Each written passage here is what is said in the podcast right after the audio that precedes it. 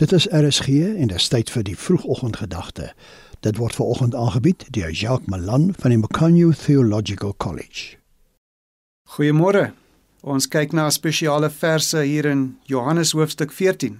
Vers 16 lees ons hierdie volgende: En ek sal die Vader bid en hy sal julle 'n ander trooster gee om by julle te bly tot in ewigheid.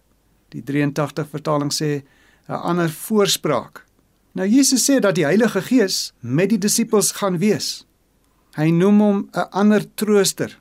Nou wat beteken dit alles vir Jesus se volgelinge? Die Griekse woord vir die woord trooster het 'n ryk betekenis.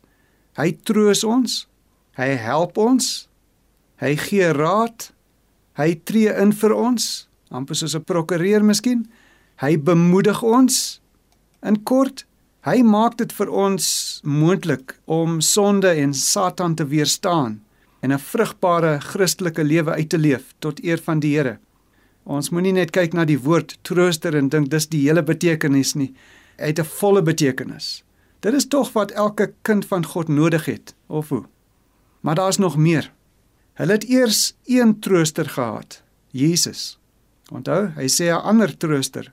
Binnekort gaan hulle twee hê een by hulle, altyd saam met hulle.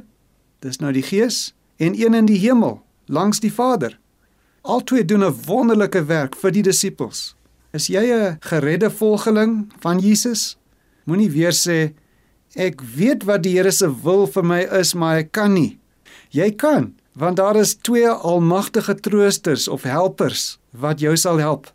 Indien jy aanhou probeer om die Christelike lewe uit te leef, maar jy vind jy kan nie, Wel ondersoek jouself. Maak eers seker dat jy waarlik gered is. Hulle wat Jesus nie het nie, het geen trooster nie. Ons wat hom wel liefhet en gered is, ons het twee troosters. O, wat 'n wonderlike gedagte daar. Kom ons dank die Here daarvoor. Hemelse Vader, baie dankie dat U vir die disippels en ook vir disippels vandag die trooster gee, die Heilige Gees om saam met ons te wees, om ons te help om die Christelike lewe uit te leef tot eer van U naam. Amen.